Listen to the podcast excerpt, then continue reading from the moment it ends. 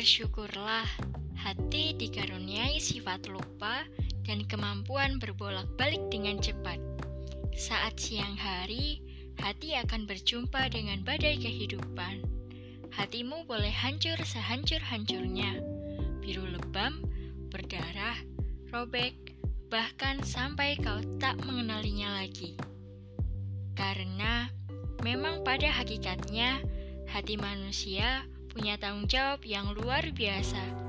Diharuskan berbuat baik di saat berjuta-juta tahun silam iblis telah bersumpah untuk selalu menyesatkan manusia.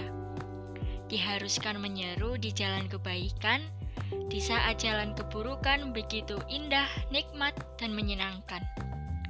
Diharuskan untuk mengejar tujuan akhirat di saat pesona dunia begitu menyilaukan. Sedangkan akhirat kasat mata. Bahkan, hati manusia punya beban yang gunung pun tak sanggup memikulnya.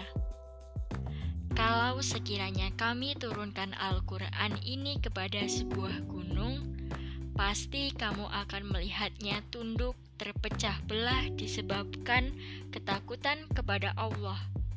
Dan perumpamaan-perumpamaan itu kami buat untuk manusia supaya mereka berpikir. Quran Surat Al-Hasyr ayat 21 Manusia yang tidak kuat bisa berakhir gila atau memilih narkotika hingga mati sia-sia.